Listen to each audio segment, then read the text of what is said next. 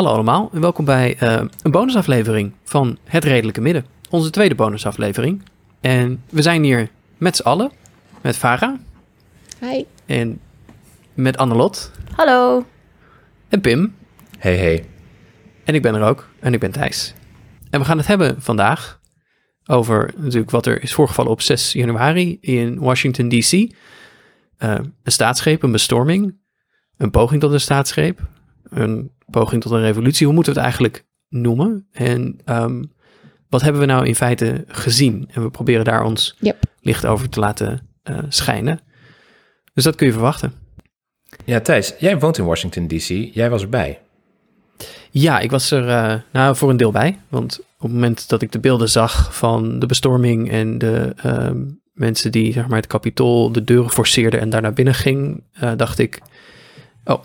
En toen ben ik er naartoe gegaan, um, naar het kapitool, om daar te kijken naar ja, wat, er, uh, wat er aan de hand was en, en ook ja, te proberen aan de lijf te ervaren wat voor, een, wat voor sfeer er nou was daar um, bij dat kapitool. En wat was dat dan voor sfeer?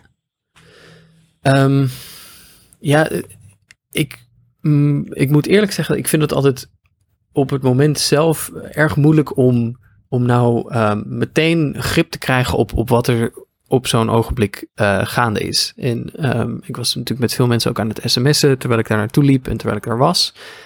Um, die allemaal, of veel mensen hadden de indruk dat ik toch daar ter plaatse uh, het beste de overzicht had over de situatie. Maar dat vond ik misschien zelf helemaal niet altijd. In sommige opzichten krijg je er nog wel veel meer van mee als je de beelden ziet op sociale media live en, en, en uit verschillende invalshoeken. De observatie van mensen die daar zijn.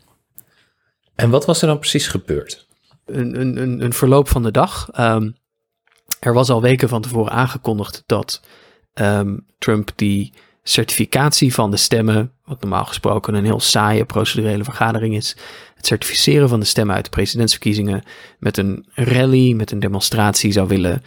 Um, nou ja, ik weet niet wat hij dan zou willen, maar hij wilde daar in ieder geval een mensenmenigte op de been brengen. Um, wellicht uit intimidatie uh, en dat soort dingen. En hij gaf een toespraak ongeveer rond het middaguur van bijna een uur lang, waarin hij maar bleef zeggen dat uh, de verkiezingen gestolen waren en dat hij nooit zou uh, toegeven, dat hij nooit zou erkennen dat Biden was gekozen. Um, en hij zweepte ook de mensen op om um, ja, naar het kapitool te gaan om de dappere senatoren en congresleden aan te moedigen.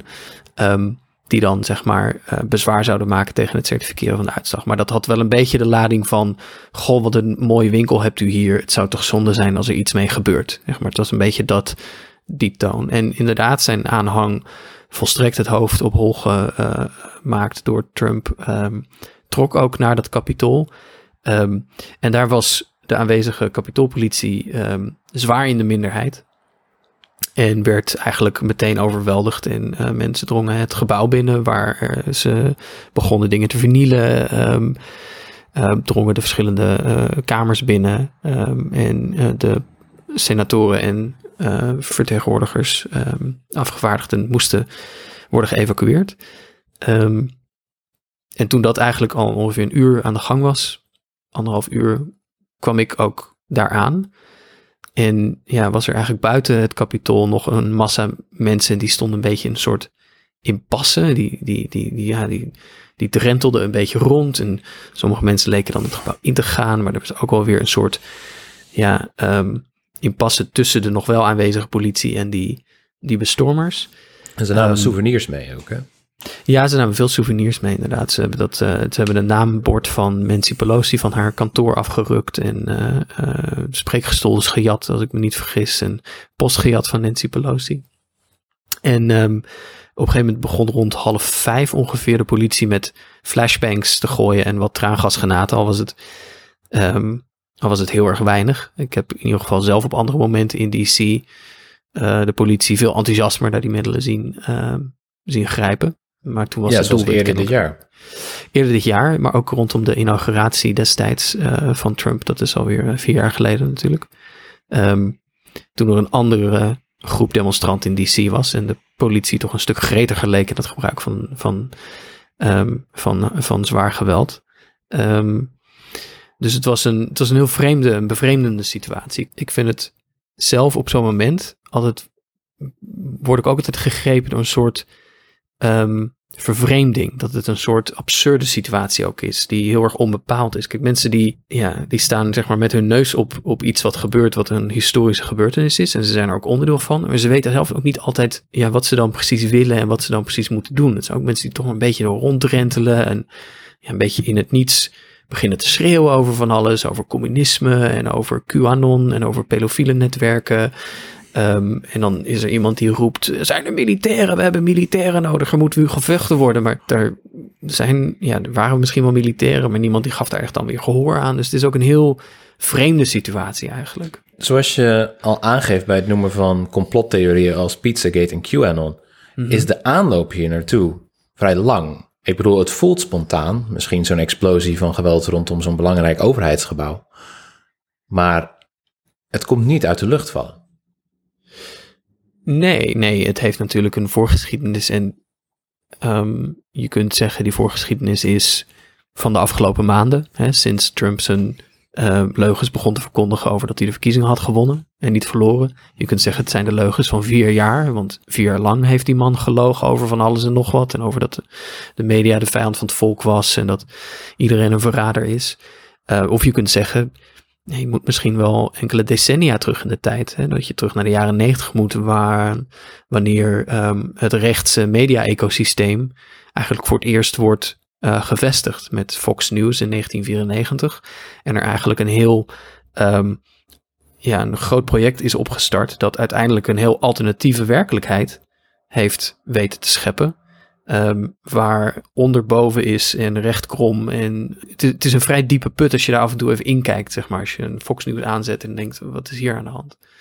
Ja, die geschiedenis. Ik vind het interessant om daarin terug te gaan naar 9-11 eigenlijk. Wat je ziet in onderzoek, en dat onderzoek gaan wij ook linken in de show notes, is dat um, rechtsextremistische groeperingen, vooral white supremacists, sinds 9-11 meer mensen hebben vermoord in Amerika dan eigenlijk wie dan ook.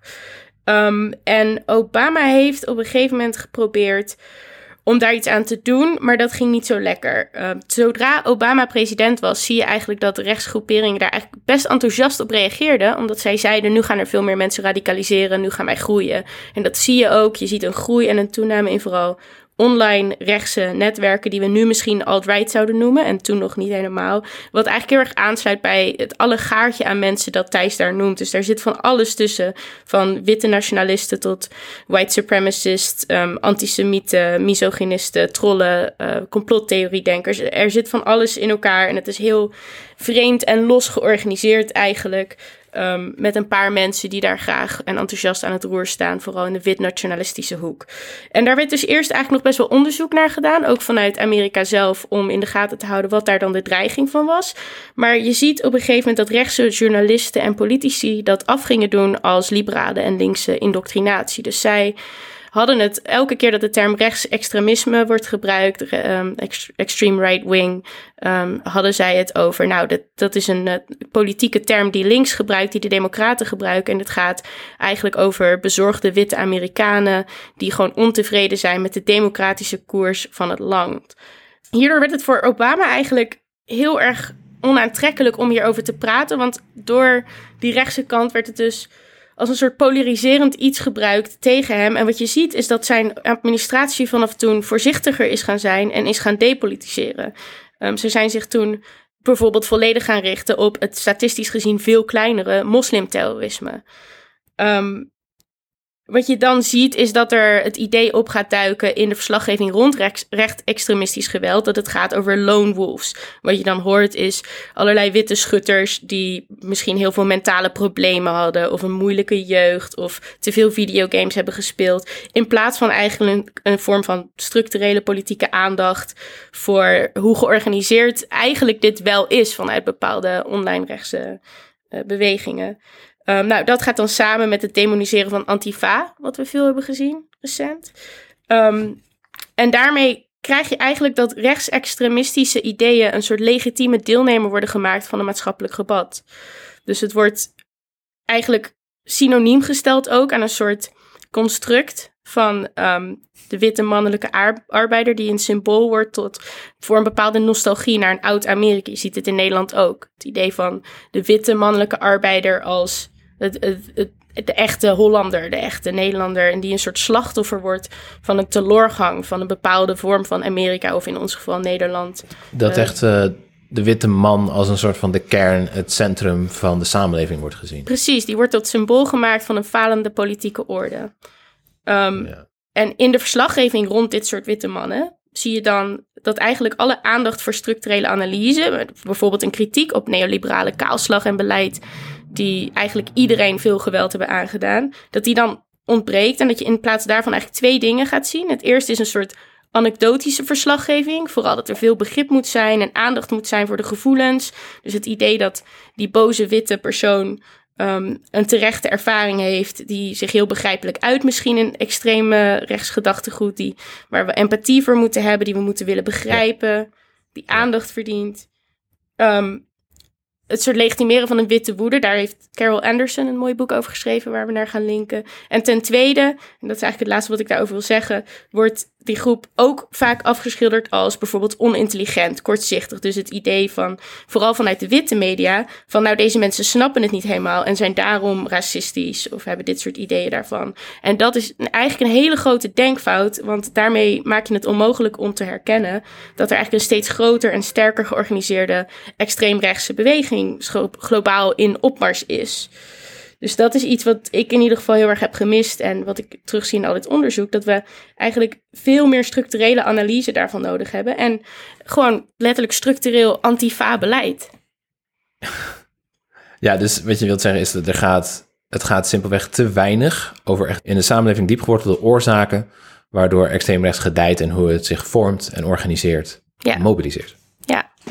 Maar het is uh, aantrekkelijk nu om te denken van ja, dat gebeurt alleen in Amerika. Maar wat je zelf zegt, het is wereldwijd. En je merkt ook wel volgens mij nu in reacties vanuit in ieder geval Nederland, dat wij daar zogenaamd geen last van zouden hebben. En dat wij daarvoor zouden moeten waken. Maar Farah, dat is niet helemaal zo, wel?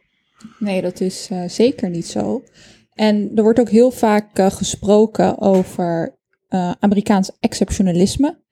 En uh, dat is het idee dat, uh, dat uh, Amerika historisch gezien dus exceptioneel is, uniek, anders en eigenaardig. En dat zeg maar alle obstakels die er overal in de wereld zouden bestaan, dat die in Amerika niet bestaan. En dat iedereen die daar woont en zich daar vestigt, gebruik kan maken van um, alle mogelijkheden die er zijn. En dat ze echt een Amerikaanse droom kunnen verwezenlijken.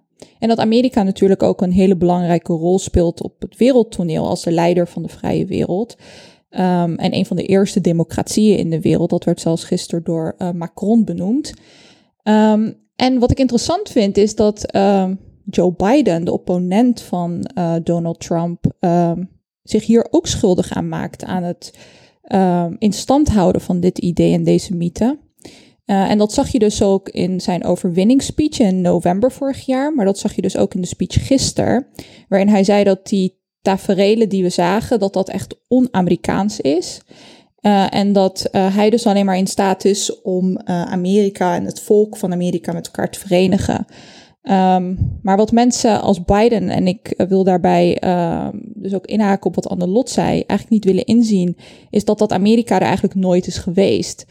Um, en dat het land zeg maar vanaf het begin al echt tot op het bot verdeeld is. Um, en dat het beeld van een superieur Amerika gestoeld is op constante onderdrukking van voornamelijk de Afro-Amerikaanse en de uh, indigenous uh, gemeenschap in Amerika, uh, dat dat daarop gebaseerd is. En er zijn dus twee visies um, op zeg maar hoe Amerika is en wat Amerika is. En dat is één, een wit Amerika uh, die wil blijven vasthouden aan dat witte superioriteitsdenken. En de instituties dus die daar ge gebouwd zijn eigenlijk om dat uh, idee in stand te houden. En het andere Amerika dat dus niet wit is uh, en ook niet wil geloven in dat witte superioriteitsdenken. Maar wat voor de discussie hier dus ook relevant is, is dat het narratief over de uniekheid van de VS uh, ook vaak door Europeanen wordt aangehaald om hun handen soort van in onschuld te wassen. Want wat het toestaat, is dat zij zich kunnen distancieren van hun eigen rol in de ontstaansgeschiedenis van kolonialisme, racisme, kapitalisme. En um, Europa en Amerika zijn dus echt met elkaar vervlochten en uh, delen die geschiedenis, of ze dat nou wel willen of niet, of of ze dat nou wel willen uh, toegeven of niet. En je hoort dus dan ook in Europa altijd van ja, racisme en, en dat soort debatten, dat is ook over, overkomen waaien uit de VS. En alsof dat in Nederland en in andere Europese landen geen voedingsbodem zou hebben. Maar ik denk dus dat pas wanneer we uh, de discussie voeren, hoe Europees. Um, of de vraag stellen van hoe Europees is wit-Amerika eigenlijk? En hoe heeft de geschiedenis van kapitalisme, racisme en kolonialisme zich aan beide kanten van de Atlantische Oceaan in relatie tot elkaar ontwikkeld?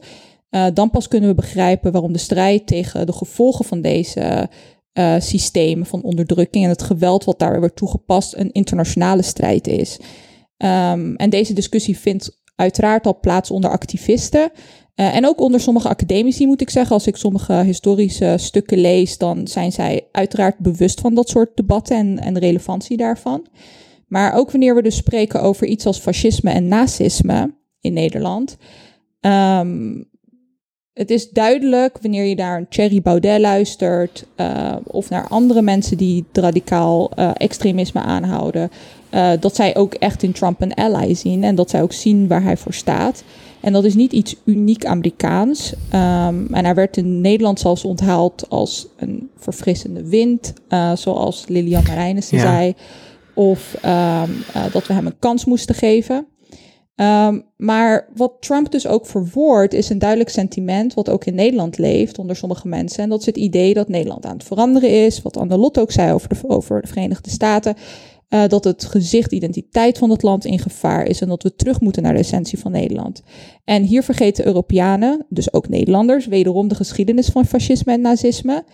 En ik wil dus eventjes uh, refereren naar een briljant, echt briljant essay van uh, Aimé Césaire, wat ik gisteren las over Discourse on Colonialism. Ik zal het ook uh, in de show notes opnemen. waarin hij dus schrijft dat nazisme misschien pas gedurende de nazi-periode in Europa zich manifesteerde, maar dat het al langer in de maak was en eigenlijk de ideologische, ideologische grondslag vormt voor het koloniale beleid van Europese landen in overzeese gebieden. En het werd pas echt een probleem toen koloniaal geweld op de eigen witte bevolking uh, hier op dit continent werd toegepast. Uh, dus dit soort debatten uh, zijn ontzettend belangrijk, denk ik, om um, te voeren hier in Nederland. En zich ook daarvan bewust te zijn dat we nu natuurlijk een soort van internationale opmars van extreem rechts en fascisme zien. Maar we moeten ons echt wel steeds bewust blijven en worden van de historische um, ja, de historische voedingsbodem daarvan en hoe zich dat door de geschiedenis heen heeft ontwikkeld. Wat je zegt over um, dat, um, dat fascisme en over zeg maar de, de verwevenheid van dit soort opvattingen met eigenlijk hoe, ja, hoe toch mainstream die wel zijn. En mm -hmm. als, je, als je echt kritisch kijkt naar de geschiedenis van samenlevingen in de Verenigde Staten, maar ook in Europa, dat je niet kunt volhouden dat um, ja, dat dit soort uh, gebeurtenissen uh, on-Amerikaans zijn. Of zoals mm -hmm. Biden zegt, dit is niet wie we zijn. Of zoals je in Europa en Nederland vaak hoort, dit is on-Nederlands of zo uh, doen we dat niet. Dan, dan moet ik ook heel erg denken aan de term witte onschuld natuurlijk ja. meteen. Um, en dan hoor ik jou eigenlijk zeggen dat er een soort extreem dominant zelfbeeld is over wat voor een goede en toffe vrije samenlevingen en goede nette democratieën die landen wel niet zijn, die eigenlijk als een soort sluier over um, uh, ja, of, uh, versluieren en het ons onmogelijk maken om echt scherp te zien, omdat het ons ja, um, ja, het is, het is wel prettig om daarin te geloven dat we zelf Precies. eigenlijk niet, niet verantwoordelijkheid dragen, maar dat het een minderheid is die ergens komt opborrelen en, en die um, ja, dus eigenlijk niets te maken heeft met meer structurele fenomenen in, in onze samenlevingen. Ja. En het is natuurlijk ook omdat het heel erg fijn is om jezelf te kunnen zien als goed. En of dat nou gaat over jezelf als natie of jezelf als persoon. Ik denk dat wij allemaal graag willen denken over onszelf als een goed mens. Mm. En tegelijkertijd bevinden wij ons allemaal in deze structuren en ben je daar ofwel aan het bijdragen um, of ze aan het afbreken, of dat probeer je in ieder geval. Maar er is geen optie dat je er niks mee te maken hebt, want je zit erin. Dus wat nou als wij allemaal in plaats van zouden zeggen: ja, maar ik ben anders, of ik heb dit niet gedaan, of ik heb hier niets mee te maken. Wat nou als wij allemaal zouden zeggen: dit is ook mijn schuld? Wat nu? Ja. Ja, maar dat is dus ook wat je vaak in die debatten hoort van als reactie van ja, maar ik heb daar toch helemaal niks mee te maken wat er zoveel jaar geleden is gebeurd. Um, maar dat juist in stand houden van dat idee, wat jij ook zegt, Thijs, dat romantische beeld van Nederland en de Nederlandse identiteit, dat op zich al in stand willen blijven houden, ehm, dat zorgt er eigenlijk al voor dat we eigenlijk niet verder kunnen en dat we niet naar een ander Nederland kunnen, wat wel echt inclusief is. Ehm, en uh, een Nederland waarin mensen zich wel thuis kunnen voelen, die zich nu op dit moment helaas nog niet thuis voelen.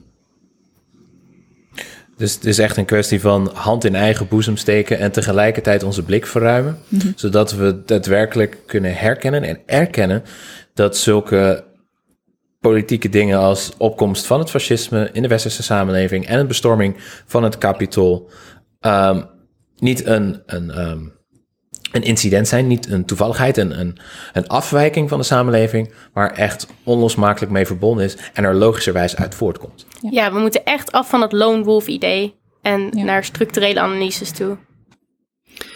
Waar ik ook nog wel um, door, um, wat, ik ook nog een interessante dimensie vind in, het, in de manier waarop we spreken over dit soort gebeurtenissen, is dat um, je merkt heel snel dat de uh, politici, ook politici die jarenlang um, min of meer dit soort fenomenen hebben gevoed en hebben aangewakkerd en, en steeds een beetje dat vuurtje hebben bijgeblazen. Nu dan zeggen, oh wat een verschrikkelijke losgeslagen meute, dit, dit, kan niet. En uh, wat een uh, Mitch McConnell uh, van, van, van iedereen die dat zei in, in de Senaat. Um, terwijl die man natuurlijk aan het hoofd staat van een soort politiek die juist jarenlang dit, um, dit soort fenomenen heeft, heeft aangewakkerd en uitgebuit om politiek gewin, is dat er heel snel wordt gewezen naar zo'n groep. Van, oh ja, dit zijn losgeslagen mensen, daar willen we niets mee te maken hebben. Waarmee ook de suggestie wordt gewekt en een oude, denk ik, mythe in stand wordt gehouden. Dat dit soort bewegingen een soort uit de spontane wil van die groepen zelf komt opborrelen. Alsof daar helemaal niet uh, op een bepaalde manier ook leiding aan wordt gegeven.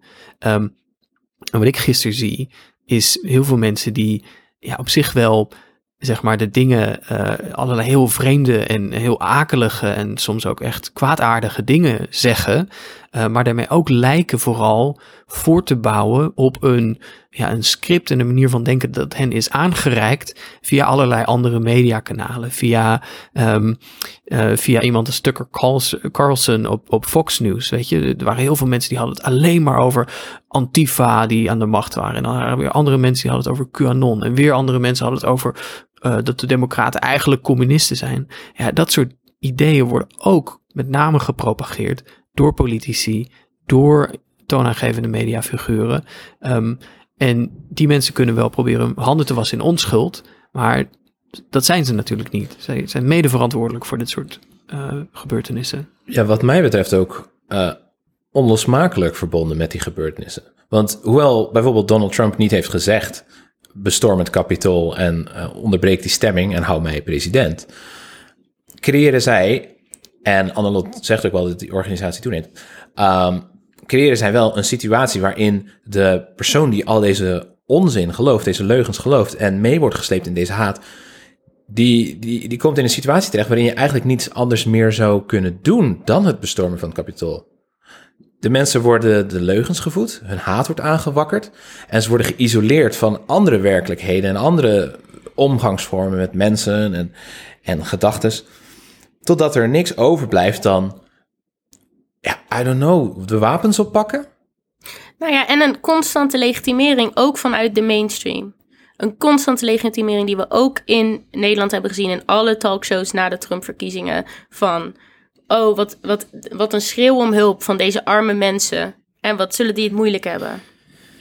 Het was heel erg druk bij een van de duurste hotels van de stad. Uh, gisteren aan het eind van de middag en het begin van de avond, vlak voordat de avondklok inging. En er liepen heel erg veel mensen in hun Trump sweaters met hun petten en, en jasjes en spandoeken. Nou ja, Ehm, ja. En ik kon alleen maar denken, ik, ik, zou, ik kan het zelf niet veroorloven om hier een nachtje te, te slapen. Als dit is hoe economic anxiety eruit ziet, dan moet die theorie misschien bij het vuil. Maar Thijs, misschien moet je dan gewoon je Ivoren Toren vaker Airbnb'en.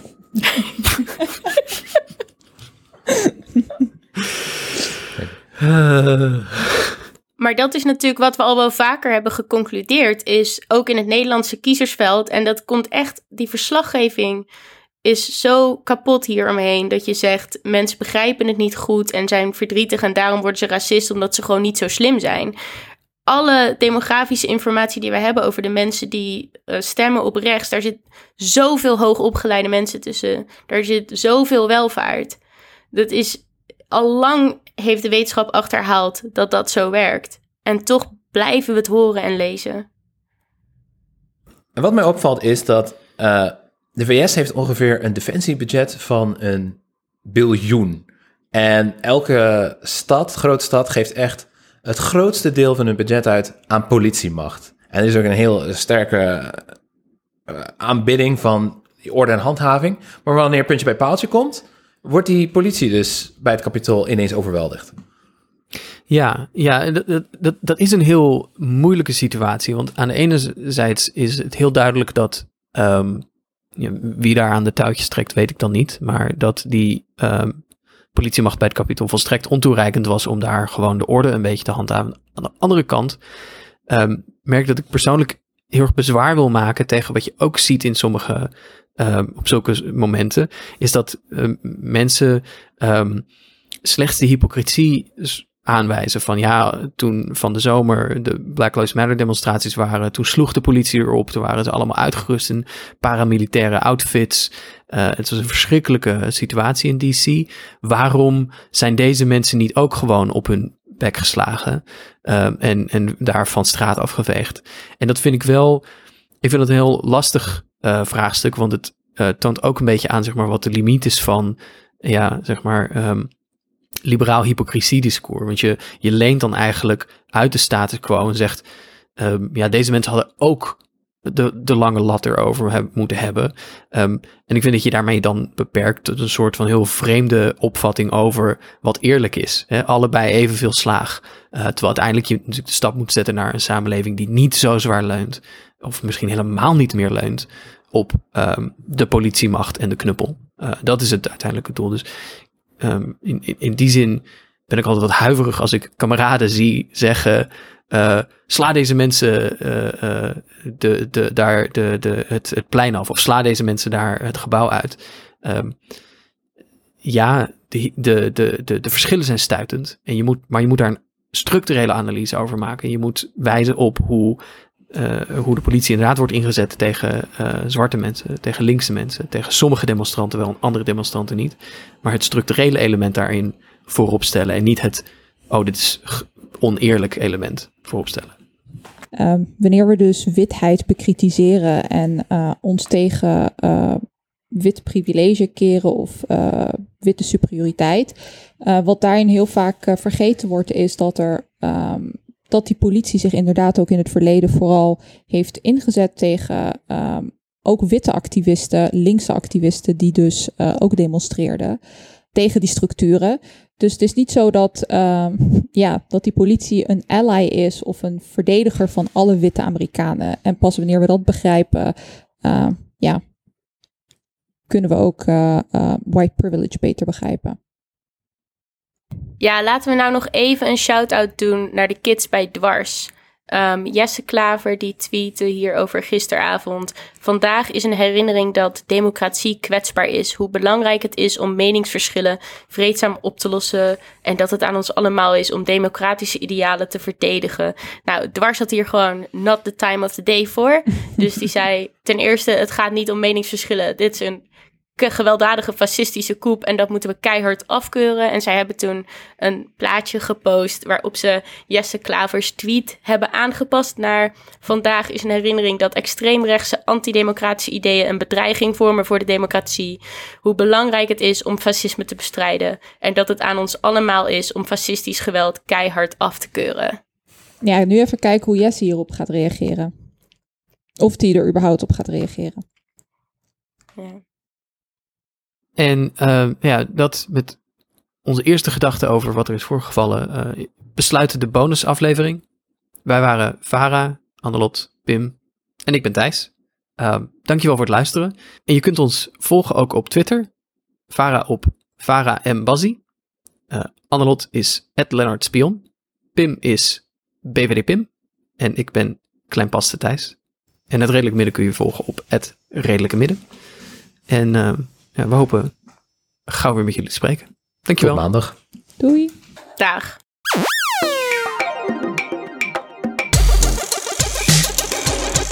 Een lelijke midden.